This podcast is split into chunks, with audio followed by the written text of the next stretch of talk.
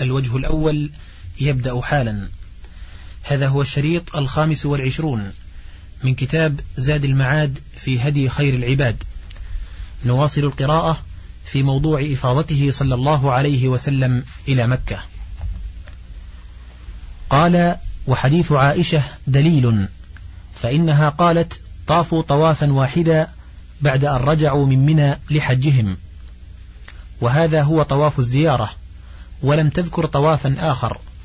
ولو كان هذا الذي ذكرته طواف القدوم لكانت قد أخلت بذكر طواف الزيارة الذي هو ركن الحج الذي لا يتم إلا به. وذكرت ما يستغنى عنه. وعلى كل حال فما ذكرت إلا طوافا واحدا. فمن أين يستدل به على طوافين؟ وأيضا فإنها لما حاضت فقرنت الحج إلى العمرة بأمر النبي صلى الله عليه وسلم. ولم تكن طافت للقدوم لم تطف للقدوم ولا أمرها به النبي صلى الله عليه وسلم. ولأن طواف القدوم لو لم يسقط بالطواف الواجب لشرع في حق المعتمر طواف القدوم مع طواف العمرة. لأنه أول قدومه إلى البيت فهو به أولى من المتمتع الذي يعود إلى البيت بعد رؤيته وطوافه به. انتهى كلامه. قلت لم يرفع كلام أبي محمد الإشكال وإن كان الذي أنكره هو الحق كما أنكره والصواب في إنكاره. فإن أحدا لم يقل إن الصحابة لما رجعوا من عرفة طافوا للقدوم وسعوا ثم طافوا للإفاضة بعده.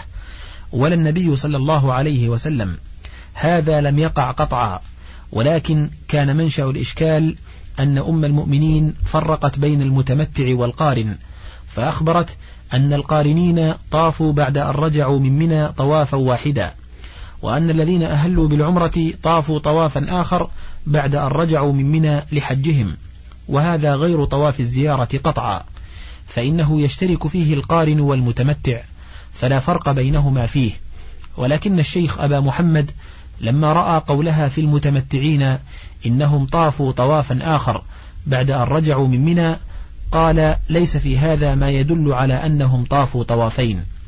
والذي قاله حق ولكن لم يرفع الإشكال. فقالت طائفة هذه الزيادة من كلام عروة أو ابنه هشام أدرجت في الحديث.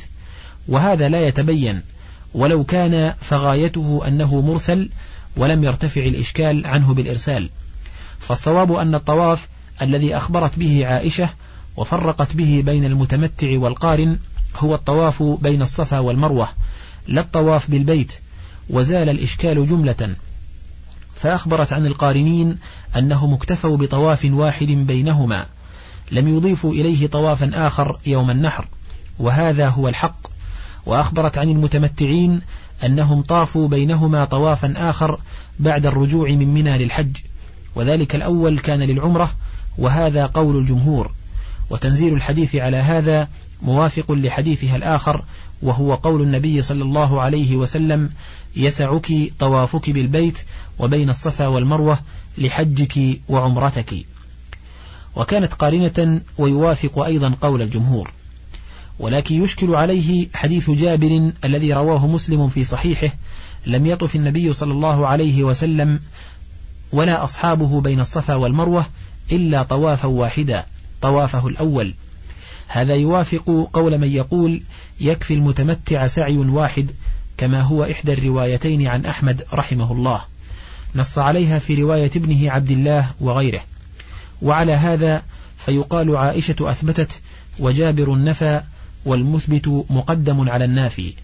أو يقال مراد جابر من, من قرن مع النبي صلى الله عليه وسلم وساق الهدي كأبي بكر وعمر وطلحة وعلي رضي الله عنهم وذوي اليسار فإنهم إنما سعوا سعيا واحدا وليس المراد به عموم الصحابة أو يعلل حديث عائشة بأن تلك الزيادة فيه مدرجة من قول هشام وهذه ثلاث طرق للناس في حديثها والله أعلم. وأما من قال المتمتع يطوف ويسعى للقدوم بعد إحرامه بالحج قبل خروجه إلى منى وهو قول أصحاب الشافعي ولا أدري أهو منصوص عنه أم لا. قال أبو محمد فهذا لم يفعله النبي صلى الله عليه وسلم. ولا أحد من الصحابة البتة ولا أمرهم به ولا نقله أحد. قال ابن عباس لا أرى لأهل مكة أن يطوفوا ولا أن يسعوا بين الصفا والمروة بعد إحرامهم بالحج حتى يرجعوا من منى. وعلى قول ابن عباس قول الجمهور ومالك وأحمد وأبي حنيفة وإسحاق وغيرهم.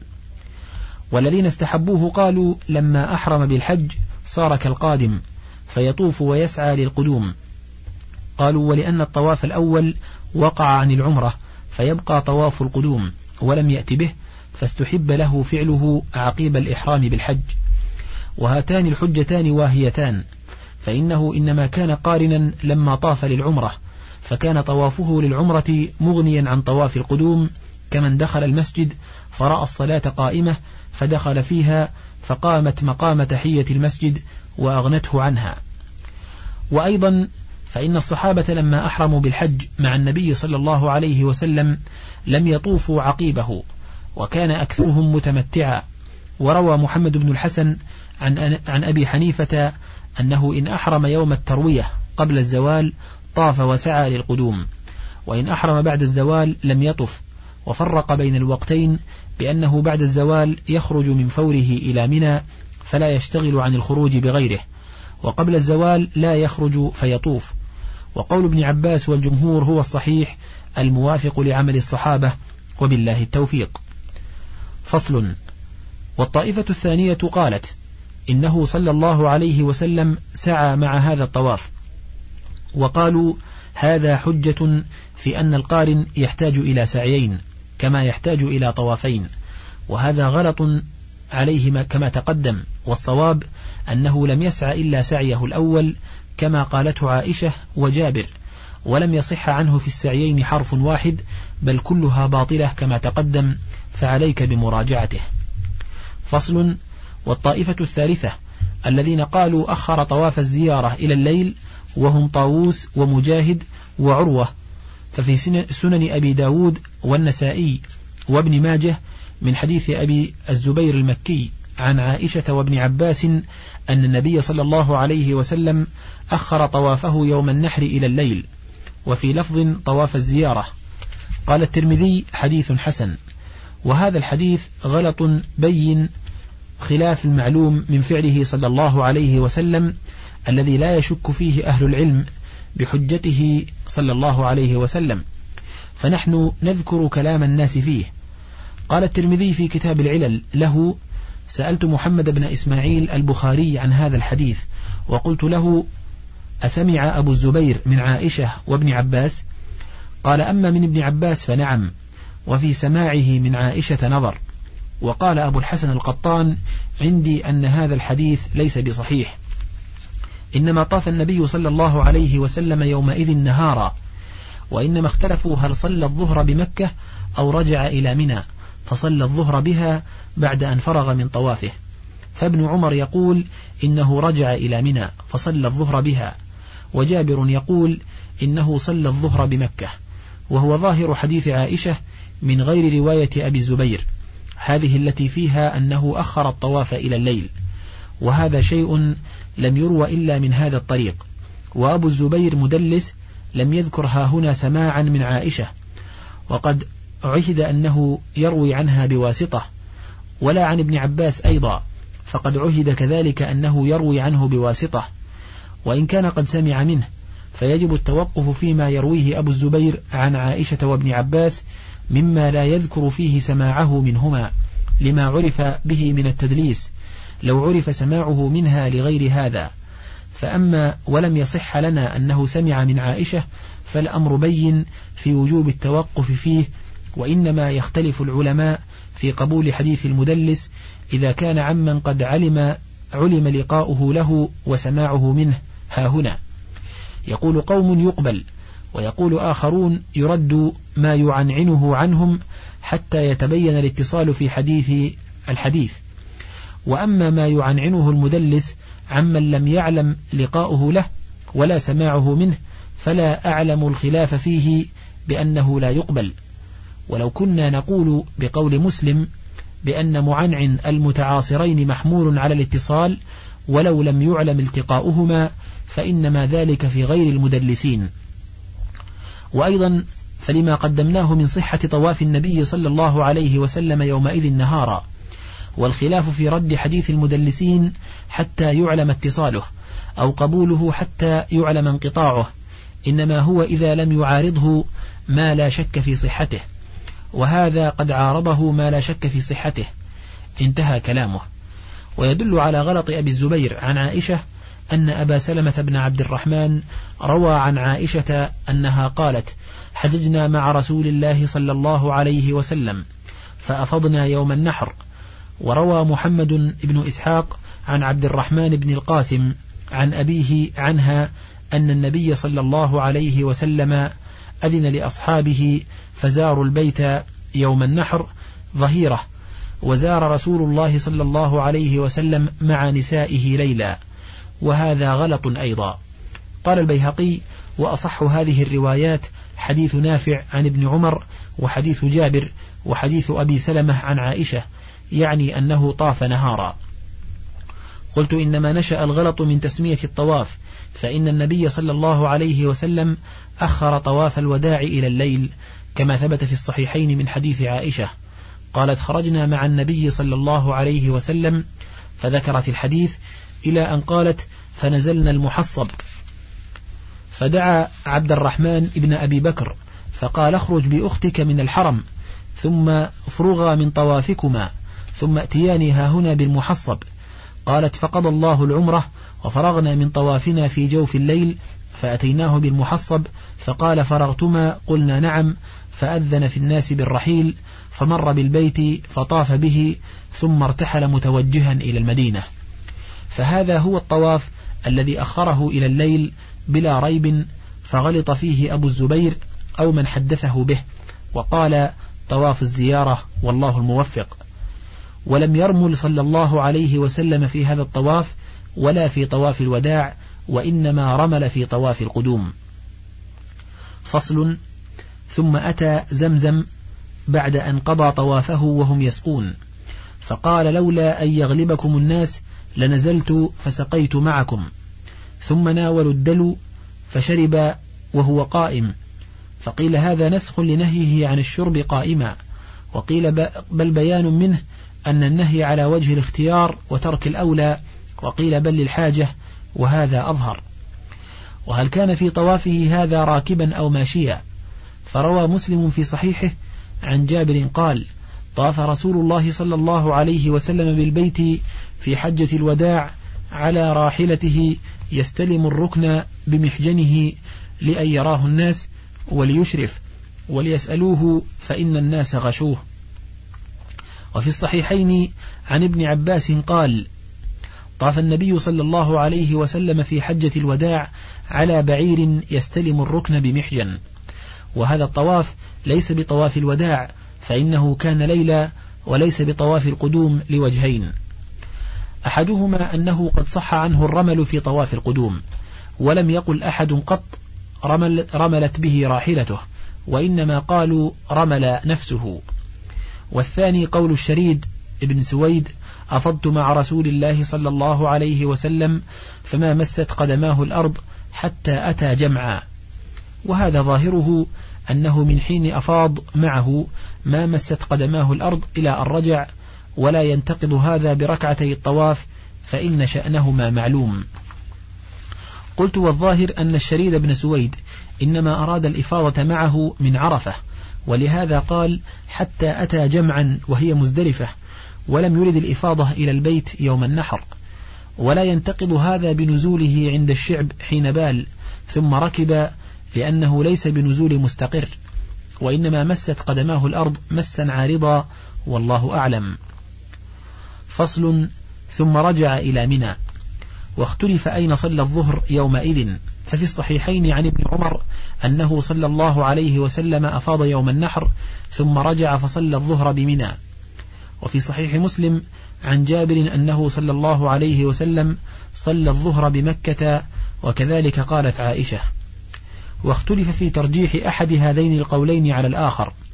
فقال أبو محمد بن حزم قول عائشة وجابر أولى وتبعه على هذا جماعة. ورجحوا هذا القول بوجوه. أحدها أنه رواية اثنين وهما أولى من الواحد.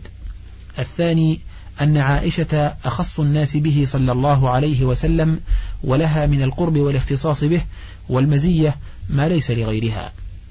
الثالث أن سياق جابر لحجة النبي صلى الله عليه وسلم من أولها إلى آخرها أتم سياق وقد حفظ القصة وضبطها حتى ضبط جزئياتها.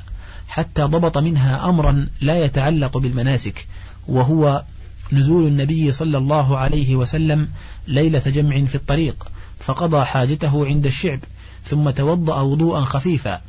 فمن ضبط هذا القدر فهو بضبط مكان صلاته يوم النحر أولى. الرابع أن حجة الوداع كانت في آذار وهو تساوي الليل والنهار وقد دفع من مزدلفة قبل طلوع الشمس إلى منى. وخطب بها الناس ونحر بدنا عظيمة وقسمها وطبخ له من لحمها وأكل منه ورمى الجمرة وحلق رأسه وتطيب ثم أفاض فطاف وشرب من ماء زمزم ومن نبيذ السقاية ووقف عليهم وهم يسقون. وهذه أعمال تبدو في الأظهر أنها لا تنقضي في مقدار يمكن معه الرجوع إلى مئة بحيث يدرك وقت الظهر في فصل آذار. الخامس أن هذين الحديثين جاريان مجرى النقل المبقي فقد كانت عادته صلى الله عليه وسلم في حجته الصلاة في منزله الذي هو نازل فيه بالمسلمين.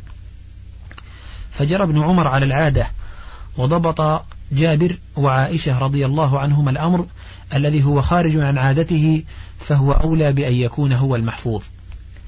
ورجحت طائفة أخرى قول ابن عمر لوجوه. أحدها أنه لو صلى الظهر بمكة لم تصلي الصحابة بمنى وحدانا وزرافات بل لم يكن لهم بد من الصلاة خلف إمام يكون نائبا عنه. ولم ينقل هذا أحد قط ولا يقول أحد إنه استناب من يصلي بهم. ولولا علمه أنه يرجع إليهم فيصلي بهم لقال إن حضرت الصلاة ولست عندكم فليصلي بكم فلان. وحيث لم يقع هذا ولا هذا ولا صلى الصحابة هناك وحدانا قطعا ولا كان من عادتهم إذا اجتمعوا أن يصلوا عزين علم أنهم صلوا معه على عادتهم. الثاني أنه لو صلى بمكة لكان خلفه بعض أهل البلد وهم مقيمون وكان يأمرهم أن يتموا صلاتهم.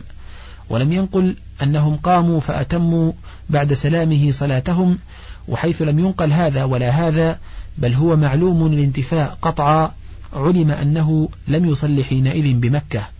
وما ينقله بعض من لا علم عنده أنه قال يا أهل مكة أتموا صلاتكم فإنا قوم سفر فإنما قاله عام الفتح لا في حجته.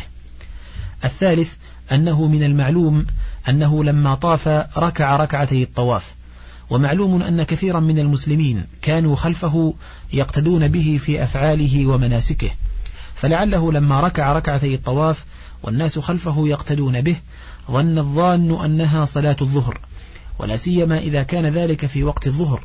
وهذا الوهم لا يمكن رفع احتماله بخلاف صلاته بمنى فإنها لا تحتمل غير الفرض. الرابع أنه لا يحفظ عنه في حجة أنه صلى الفرض بجوف مكة. بل إنما كان يصلي بمنزله بالأبطح بالمسلمين مدة مقامه كان يصلي بهم أين نزلوا لا يصلي في مكان آخر غير المنزل العام. الخامس أن حديث ابن عمر أن حديث ابن عمر متفق عليه وحديث جابر من أفراد مسلم فحديث ابن عمر أصح منه وكذلك هو في إسناده فإن رواته أحفظ وأشهر وأتقن فأين يقع حاتم ابن إسماعيل من عبيد الله ابن عمر العمري وأين يقع حفظ جعفر من حفظ نافع. السادس أن حديث عائشة قد اضطرب في وقت طوافه فروي عنها على ثلاثة أوجه أحدها أنه طاف نهارا والثاني أنه أخر الطواف إلى الليل. الثالث أنه أفاض من آخر يومه فلم يضبط فيه وقت الإفاضة ولا مكان الصلاة بخلاف حديث ابن عمر.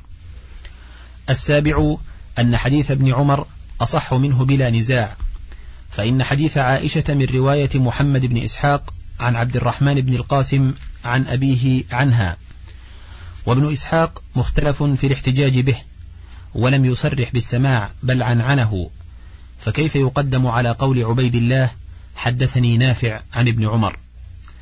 الثامن أن حديث عائشة ليس بالبين أنه صلى الله عليه وسلم صلى الظهر بمكة فإن لفظه هكذا أفاض رسول الله صلى الله عليه وسلم من آخر يومه حين صلى الظهر ثم رجع إلى منى فمكث بها ليالي أيام التشريق يرمي الجمرة إذا زالت الشمس كل جمرة بسبع حصيات.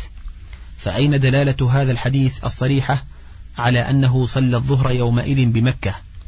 وأين هذا في صريح الدلالة إلى قول ابن عمر أفاض يوم النحر ثم صلى الظهر بمنى يعني راجعا. وأين حديث اتفق أصحاب الصحيح على إخراجه إلى حديث اختلف في الاحتجاج به والله أعلم.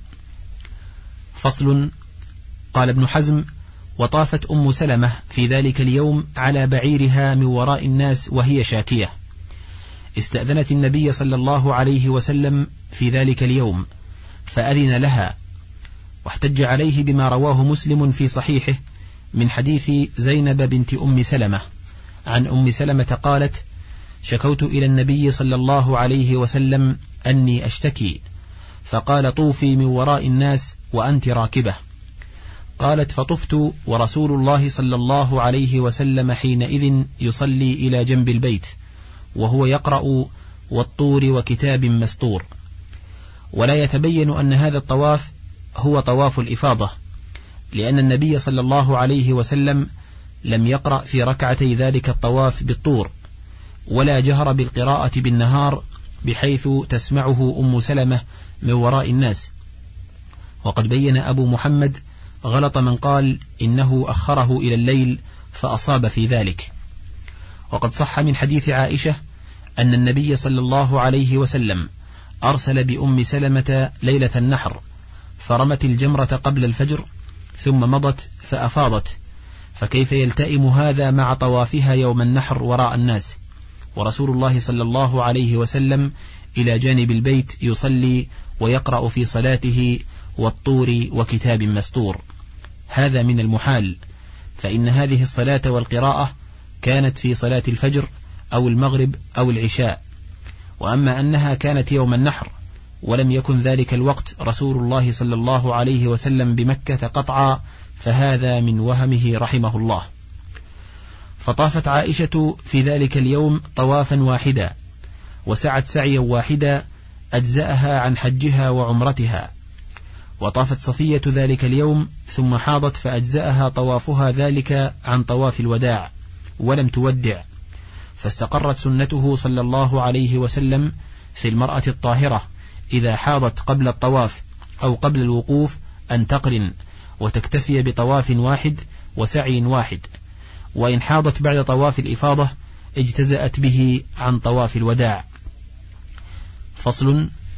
ثم رجع صلى الله عليه وسلم إلى منى من يومه ذلك فبات بها فلما أصبح انتظر زوال الشمس فلما زالت مشى من رحله إلى الجمار ولم يركب فبدأ بالجمرة الأولى التي تلي مسجد الخيف فرماها بسبع حصيات واحدة بعد واحدة يقول مع كل حصاه الله أكبر. ثم تقدم على الجمرة أمامها حتى أسهل فقام مستقبل القبلة ثم رفع يديه ودعا دعاء طويلا بقدر سورة البقرة.